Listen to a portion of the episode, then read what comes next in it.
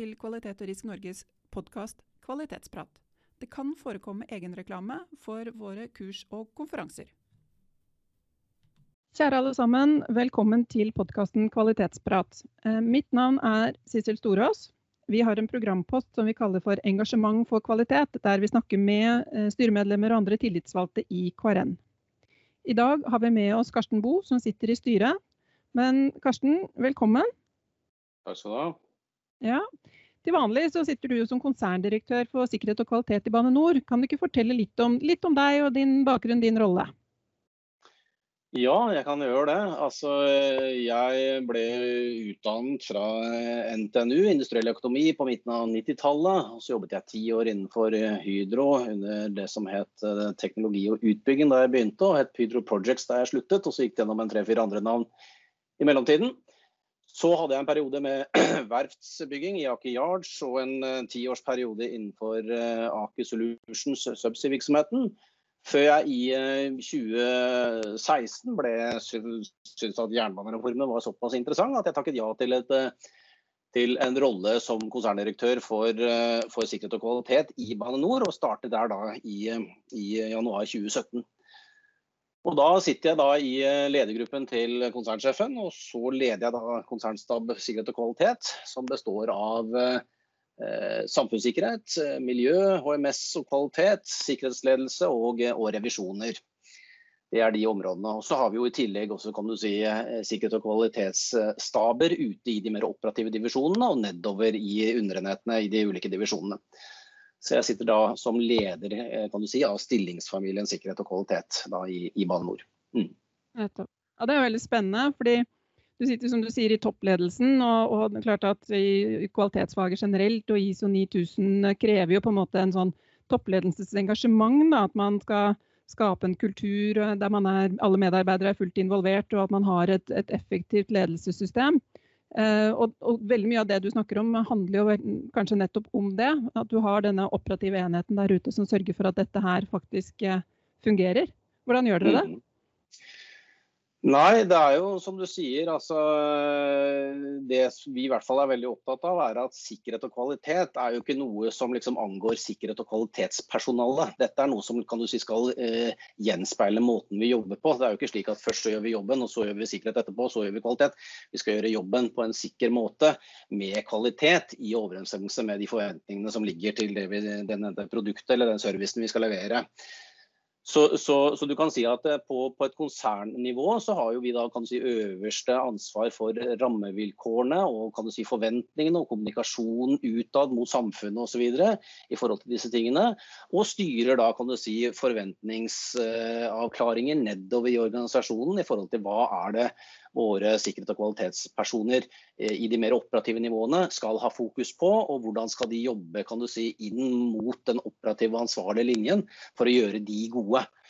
Jeg er jo veldig opptatt av at vi skal gjøre linjen gode. Det er der vi kan du si, eh, leverer eh, suksess, sett fra vårt ståsted. Mm. Mm. Så det handler jo mye om, sier, om, ledelse og kommunikasjon og hvordan man skaper de rette holdningene. Fordi jeg har vært snoka litt på hjemmesidene deres. Og dere har jo en veldig sånn, flott eh, formulert visjon. Norge på skinner. Og eh, formål, verdier. Eh, dere kaller det strategiske hovedtema. Jeg vil kanskje sammenligne det med kvalitetspolitikk. Dere har kanskje en lederfilosofi også. hvordan kommer dette til, liksom, til uttrykk i det daglige? Har det noe sånn Brukes det sånn effektivt i det, i det daglige kommunikasjon og det daglige arbeidet?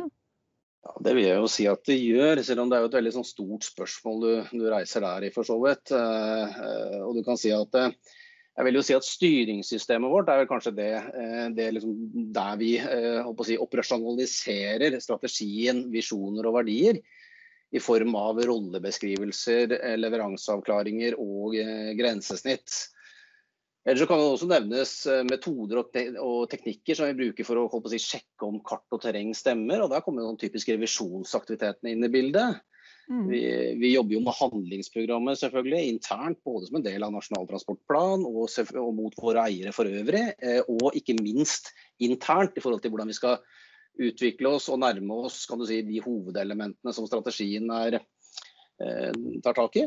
Og så har vi jo selvfølgelig også måleprogrammer der vi ved hjelp av ja, egnede nøkkeltall forsøker å måle om vi beveger oss i den retningen som vi ønsker. Og Det er jo sånn typisk produktivitetstall, det er oppetid, eh, punktlighet i togtrafikken, det er evne til å møte tidsfrister internt. Eller statistikk og nøkkeltall knyttet til avvik, ulykker og tilløpsmeldinger som vi finner i veldig mange, eller kanskje de fleste industrielle selskap. Mm.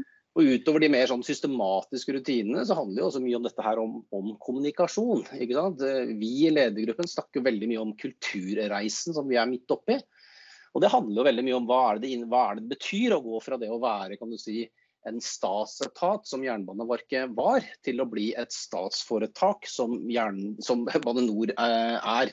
Mm. Det er jo slik at Vi har litt ulike Eh, oppdrag. Eh, og det er ting du må jobbe med i kulturen for at det der skal sette seg. Ja, for jeg tenker, Dere har jo både et, et operativt ansvar og vedlikeholdsansvar for banenettet, samtidig som dere også er jo eh, prosjekteiere og kjører store, tunge prosjekter. Så det er, det er, på en måte både en sånn produksjon, operativ enhet bare, hvor ting bare, som du sier, Norge, som det står, Norge skal på skinner. Samtidig mm. så det er veldig mange nye og store utbyggings- og infrastrukturprosjekter som dere jobber med. Så det er jo to forskjellige systemer på en måte som skal samspilles og kjøres og ha en enhetlig kultur. og Det, må, det, er, jo, det er jo stort, det er jo krevende. Det er stort og det er krevende. og I tillegg til det du nevner der, så har vi også kan du si, eiendomsutviklingsbiten. Nettopp. Som dreier seg om å kan du si, skape verdier eh, for jernbanen i de arealene som kan du si, tradisjonelt jernbanen har eid. Mm. Altså, vi bygger hoteller, vi bygger parkeringsanlegg, vi driver med knutepunktsutvikling. Eh, alt kan du si med tanke på å få Norge på skinner. Selger leiligheter, leier ut leiligheter. Så vi driver med, med veldig mye mer kan du si, enn det man kanskje tradisjonelt forbinder med togdrift. Går det an å lage ett styringssystem som, som passer for alle disse ulike typer virksomheter? Ja, det er jo det som er krevende. da, ikke sant? Og du kan si at, Jeg pleier også å si at vi har, vi har jobbet med disse tingene i tre etapper. og Nå går vi rett over fra etappe to til etappe tre. Og Den første etappen det dreide seg om å etablere selve styringssystemet. Og, og med, Måten vi gjorde det på, var at vi stilte oss spørsmålet hvilke prosesser er det vi som selskap trenger for å levere si, på samfunnsoppdraget til Bane NOR. Og Det er jo kan du si, den, den type spørsmål som ISO 9001 reiser. ikke sant? Du skal ha et bevisst forhold til de arbeidsprosessene. Og så sa vi at Bak hver og en av disse arbeidsprosessene så skal vi ha én konsernstandard, som er det øverste dokumentet, som på en måte er policyen vår. Eh, som, som, sier noe om hvilke prinsipper er det som gjelder for det området. Og kan du si, hvilke roller er det vi har, og hvilke grensesnitt og hvilke leveranser er det vi forventer fra de ulike. Så Der kommer kan du si, spørsmålet ditt, eh, ditt, inn. Men så kan mm. du si at så skal dette operasjonaliseres. Og når du skal operasjonaliseres det i en utbyggingsorganisasjon, så vil en del av de overordnede kravene og overordnede forventningene få et litt annet innhold enn de vil når du f.eks. skal drive med eiendomsutvikling, eller når du skal drive med drift og vedlikehold av eh, selve jernbanenettet. Mm. Så det er helt riktig, det. det får, og det er jo det som er krevende i alle store selskaper. At du, du, må ha et styringssystem som binder bitene sammen, samtidig som det ikke er så rigid at det gir kan du si, mening i de ulike enhetene. For det, eh, du fortalte meg da i, i, forkant av intervjuet at dere har, er i gang med en slags omorganisering, og, og, hvor du snur rundt på organisasjonen. Vil det Eh, og jeg er jo litt den typen da, sånn teoretisk som tenker at okay, man skal egentlig ha et styringssystem som er robust nok til å kunne takle omorganiseringer. på en måte, fordi at, at Hvis man i hvert fall ikke har så stor um, endring i arbeidsoppgavene som skal utføres, så skal mm. styringssystemet kanskje være stabiliteten og prosessene går på tvers. og så Hvordan man organiserer seg er mer et sånn praktisk spørsmål. Mm. Ja, hvordan opplever du det? Er, det? er det sannhet i min teori? Har jeg en rekke hypoteser, eller må man også gjøre endringer i styringssystemet når man omorganiserer? Jeg vil si at det er en veldig høy grad av sannhet i, i, det du sier. Og Da vi designet eh, si, rammeverket til styringssystemet, så var det jo nettopp med tanke på at et styringssystem skal kunne overleve si, organisatoriske endringer uten at du trenger å vri helt om på styringssystemet. Men så er det klart at det er enkelte deler av, av særlig sånn ansvar og rollebeskrivelse som du noen ganger må inn og gjøre noen endringer på når du snur totalt om på organisasjonen. Og vi har jo endret ganske dramatisk nå på organisasjonen eh, gjennom det arbeidet som har pågått i, i det eh, siste året. Og det er i grunnen den etappe to, som jeg sier. Først mm. utviklet vi styringssystemet for å kan du si, designe hvordan skal vi operere. Så tilpasset vi kan du si, organisasjonen i forhold til det. Og se hvordan kan vi, hvilke miljøer er det vi får kan du si, synergieffekter av å slå oss sammen. Hvordan kan vi gjøre ting mer effektivt eh, og, og, og, og slanke oss osv. Og så er det kan si, Den tredje etappen er jo da å få den organisasjonen til å fungere som tiltenkt. For Du mm. må gjøre ganske mye mer enn bare holdt jeg på å si, å beskrive et styringssystem og omorganisere organisasjonen. Du må jobbe med kan du si, eh, menneskene som fyller disse rollene. Eh, og Det er et, eh, et langt lerret å bleke. Ja. Spesielt i selskaper kan du si, hvor du har en, en veldig sånn innarbeidet kultur, og det har man i de fleste selskaper. Da tar dette tid. Dere, er dette, følger det, altså det, Jeg kjenner jo igjen her når du snakker nå, så kjenner jeg ok, det, dette her, nå, vi jo, nå, er vi jo i gang med Durants eh, transformasjonsmodell. Eh, men det, det, er sannsynligvis en eh, naturlighet i modellen som gjør at det er mange som også følger den oppskriften. For det er liksom, Først så skal man bestemme seg, og så skal man få en, en gjennombrudd som man sier, da, i ledelse og, og, tankesett hos ledelsen. Så skal man, eh, er det neste er jo liksom å, å jobbe med organisasjonen og strukturen, og dette å få et gjennombrudd i organisasjon og struktur. Og så kommer man liksom inn i denne lanseringsfasen, og etter hvert så skal man da få et gjennombrudd i, i kultur. er jo liksom, eh, Om det er steg tre eller fire. Men det er jo på en måte i, i den samme retningen dere går, da. Ja, akkurat i den samme retningen. Mm. Ja. Så Noen ganger så er det kanskje greit å vite om at det finnes uh, teoretisk kunnskap rundt dette. Jeg kjenner i hvert fall igjen denne transformasjonsmodellen som, fra både tidligere arbeid og fra teoretisk, teoretisk arbeid. Så det er spennende. Og det, det, er jo så riktig måte å gjøre det på også. Få, på en måte få bygd denne strukturen på plass og så jobbe med kulturen. Men eh, rent praktisk der, da, sånn fra et toppledelsesperspektiv, hvordan bygger dere kulturen som trengs i eh, Bane NOR for å kunne bruke systemet og organisasjonen effektivt? Stort spørsmål, det òg. Ja, det er et stort spørsmål det også. Og det er jo eh, mye av det samme igjen. ikke sant? Du må bestemme deg for hva du vil. Vi hadde en lang eh, reise vil jeg si, for halvannen-to år siden hvor vi brukte mye tid på å definere verdiene. Og, og det var ikke kan du si, en liten gruppe som gjorde det. Vi involverte hele organisasjonen i ulike arbeidsgrupper videre, for å kunne klare å, bli enige om hva skal kan du si, verdiene våre være. Og Så kom vi fram til åpen, respektfull, engasjert og nytenkende. Uh, og Du kunne sikkert uttrykt de verdiene på en litt sånn annen måte og brukt flere ord på det, men, men den prosessen vi hadde med fram til si, å bli enige om noen felles verdier, den var ganske grunnleggende. Uh, og ganske vesentlig i forhold til kulturreisen. Så brukte vi mye tid på å diskutere si, hvilke lederprinsipper skal vi ha. Uh, og jo, fulgte i grunnen mye, mye av det samme i forhold til det. Og så startet vi si, den reisen med å kjøre lederutviklingsprogram. Og nå har vi kjørt en 700-800 av våre øverste ansatte gjennom kan du si, det, det lederutviklingsprogrammet. Og dette er ting som vi da vil fortsette å bygge på, og ser at dette blir mer og mer la, la meg si, kontinuerlige ting som vi kommer til å bygge videre på i, i, i fremtiden. Og så handler det selvfølgelig også om hvordan er det vi kommuniserer eh, forventninger i, i, organisasjonen til det daglige? Gjennom allmøter, gjennom kan du si, lederkonferanser osv. Her er jo tonen på toppen ganske sentralt i forhold til om du får med deg organisasjonen eller ikke. Mm, ja, det er litt sånn walk the talk eh, på en måte. At du både ja. sier de riktige tingene og så gjør de riktige tingene og viser, eh, viser dette her. Og ha gode rollemodeller på toppen vet jeg, er, jo, er jo viktig. Mm. Men eh, hvilke lederegenskaper er det du tenker til skal til for å kunne altså, Hva er dine lederegenskaper, liksom, kanskje litt personlig spørsmål, men hva er dine lederegenskaper som gjør at du tenker at du er uh, god inn i den rollen med, som konserndirektør for sikkerhet og kvalitet? Det er jo veldig vanskelig å svare på selv, for å si det slik. Det er jo mm. sånn type som, som andre får, får, si noe, men jeg kan si litt om hva jeg prøver å være opptatt av selv. Uh, jeg prøver å være opptatt av å bruke et enkelt språk. Det, det, handler om å prøve å få med organisasjonen på den spennende reisen vi er i gang med. Jeg ser jo ofte at bruker du kan du si, ISO-språket, så kan det være veldig fremmedgjørende for mange. Og det er veldig mye kan du si, av disse kvalitetsprinsippene til Duran og disse, alt dette som bygger på ISO-serien, som er bygd på veldig mye sånn, kan du si, common sense, fornuft. Og, mm. og, og si, Bruke da kanskje litt andre ord på det for å gjøre det litt mindre fremmedgjørende. Det er i hvert fall min erfaring at da får man lettere med seg flere personer på reisen. Og så er jeg selvfølgelig opptatt av hva er de, hva er de vesentlige tingene. ikke sant? Altså jeg er opptatt av å holde meg for orientert om de store og alvorlige hendelsene som inntreffer. Enten det er ulykker eller det er ting som kunne gått fryktelig galt under litt andre omstendigheter, eller det er større avvik.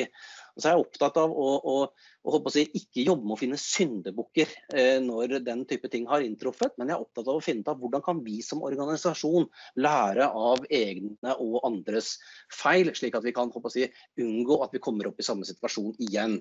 Mm. Så er jeg selvfølgelig også opptatt av liksom, at det skal være et, et visst sånn samsvar mellom hva er det kan du si, riskbildet vårt forteller, og hva er det kan du si, vi bruker tid på. Og Det er også en, sånn, kan du si, en måte å prøve å, for, å forklare ting på på en enkel måte, istedenfor bare alltid snakke om at vi skal være risikobasert. For det er det mange som, som blir Hva betyr egentlig det? Mm. Og, og, For meg så betyr det at jo, vi skal ha et bevisst forhold til de tingene vi er mest bekymret for at skal inntreffe. Og så skal det være samsvar mellom det og de tingene vi bruker tid og penger på. Så det, er liksom, jeg tror det, er, det, ligger veldig mye tenker jeg, på det å være bevisst på hvordan man kommuniserer. Ja, har, dere et sånn, har, dere et læringsprogram, et forbedringsprogram eller en sånn, sånn systematisk kontinuerlig lærings- eller forbedringsløp? Eller er det mer sånn eh, agering på det som, dere, som kommer opp ja, altså vi har, vi har, jo begge deler. ikke sant? Vi har jo, altså Jernbanen er jo såpass eh, gjennomregulert historisk sett. Vi har jo en 40 000-50 000 avviksmeldinger og ulike tilløpsrapporter som går inn i systemet vårt i, i per år. Mm. ikke sant? Og så har vi en sorteringsfunksjon av det, ikke sant? hvor de tingene som da er eh, mer alvorlige, brukes mer tid på enn de tingene som er mindre alvorlige. Og så har du en annen dimensjon i det, og det handler jo selvfølgelig om de tingene som skjer ofte. Eh, må du også kan du si, eh, ta mer hensyn til enn andre ting. Og så har vi kan du si, bygd opp eh, læringsrutinene våre og hele avviksrutinene våre rundt de to prinsippene. Er det alvorlig, skal du bruke mer tid. Skjer det ofte, skal du også bruke mer tid. Mm. Og så er vi som sagt opptatt av at, at vi har kan du si, eh, litt sånn ledelsesfiltre som gjør at du, at du kan stoppe opp og si vet du hva, her er det ikke gode nok læringspunkter. Vi kan ikke se at disse tiltakene eller det vi nå setter i gang med, faktisk har en, en effekt i forhold til å redusere sannsynligheten for at det inntreffer igjen. Mm. Litt sånn, ja. ja. Um, du snakka jo litt om dette med kommunikasjon i stad, og viktigheten av at toppledelsen er liksom på og er, eh, kommuniserer liksom allmøter og den type ting. Eh, kan, eh, si noe om disse kommunikasjonskanalene. Du nevnte allmøter, du nevnte uh, tilstedeværelse og, og, og følge med på det som er av ting som både hyppig og alvorlig. Hvilke andre typer uh, kommunikasjonskanaler ja, si bruker dere? Hvis du ser på de, de formelle, da, nærmest da, altså, Vi har et operativt ledermøte som begynner hver mandag. og Da går vi gjennom kan du si, operative sikkerhetsresultater, problemer i togtrafikken relatert til punktlighet, hendelser, den type ting. Og så har vi mer de langsiktige eh, perspektivene som vi diskuterer annenhver uke. Vi bruker en hel dag. Ellers så er det, og det er liksom litt sånn paradoks, for du kan si at nå i den koronasituasjonen som vi har hatt eh, siden mars, så har vi jo virkelig lært oss til å bruke digitale medier og fått en aha-opplevelse i forhold til hva det kan bety. Så vi ser jo at hyppigheten av kommunikasjon ut til, eh, med allmøter og informasjon til alle ansatte har jo aldri vært større enn den, eh, enn den var etter at vi måtte gå alle sammen på, på, hjemmekontor. Så der har vi virkelig lært noe som vi snakker mye om. At, at eh, det å bruke og utnytte digitale medier fremover på en helt annen måte enn det vi eh, gjorde tidligere, det er noe vi virkelig har fått ut av denne koronasituasjonen. Mm. Mm, spennende. Ja, det, men opplever, opplever, dere det at det er effektivt også? Sånn at, altså effektivt i forhold til virkningsfullt? At det faktisk fungerer? At de som sitter i andre enden da i større grad tar imot og, og utnytter den informasjonen bedre? Ja, vi opplever, mm. vi opplever, i grunnen det, og vi, og vi får veldig mye positive tilbakemeldinger på det. Og vi har også tatt oss god tid til å til å, å, sette av tid til spørsmålsstillinger underveis, hvor vi styrer en chat hvor du har kan du si, en moderator som, som sitter og, og, og, tar imot spørsmål fra lytterne underveis. Og så svarer vi ut så mye som mulig av det i møtet direkte. Og det vi ikke klarer å svare ut i møtet, det kan du si, publiserer vi på da, intranetten vår i, i etterkant. Mm. Og Det gjør også at terskelen kan du si, for å stille spørsmål har blitt ganske lav. Eh, så det har blitt et ganske høyt volum av spørsmål. Men det har vi funnet eh, at det har vært nyttig bruk av tid. Særlig nå i en situasjon hvor vi liksom snur om på ganske mye i, i organisasjonen. Og hvor det faktisk også har vært, vi har vært nødt til å håndtere dels også overtallighet. Ja, det er noe med sant, at Distansen kanskje mellom topp og bunn har blitt litt lavere pga. at vi bruker denne type medier. Det er jo ganske spennende. Mm. Ja, det har vært veldig spennende. Jeg tror ikke noen av oss kunne klart å sette for oss at uh, det var et så stort potensial faktisk i disse, i disse verktøyene som, som, vi faktisk ser nå. Altså, det er jo litt sånn litt komisk at du må inn i en sånn situasjon for å se det, men det liksom viser i for så vidt hvor, hvor, hvor, fastsatt man blir innenfor et handlingsmønster. Man går i det handlingsmønsteret, er vant til at ting skal være på den, den måten, og så ser man ikke alltid til høyre og venstre og ser om det fins mm. alternative måter, som f.eks. bruk av Teams osv. Mm. Yes. Du, Karsten, jeg lurer på om vi begynner å nærme oss eh, vår, den vanlige tilmålte tiden. Vi prøver å holde oss på en sånn 15-20 minutter eh, i, i, varighet. Så jeg lurer på om vi skal, jeg skal si tusen takk for en uh, veldig fin kvalitetsprat. Og så kan jeg si til lytterne, da, at bare hinte litt frempå. Jeg har jo så, vel, så vidt nevnt, uh, nevnt Joseph Duran, men um, spørsmålet som jeg har stilt til Karsten i dette intervjuet, det er hentet fra det vi da i teorien gjerne kaller big Q, eller, eller strategisk kvalitetsledelse.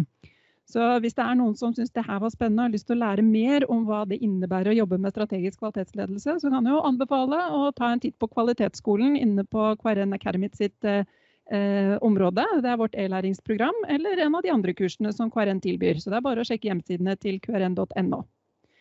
Men da tror jeg vi eh, avslutter for i dag, og så sier jeg tusen, tusen takk for praten, Karsten. Takk for at jeg fikk komme.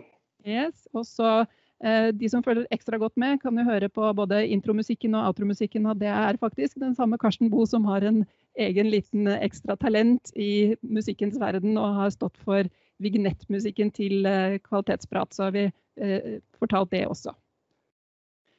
Yes. Da eh, sier vi takk for i dag, og så høres vi igjen om en uke.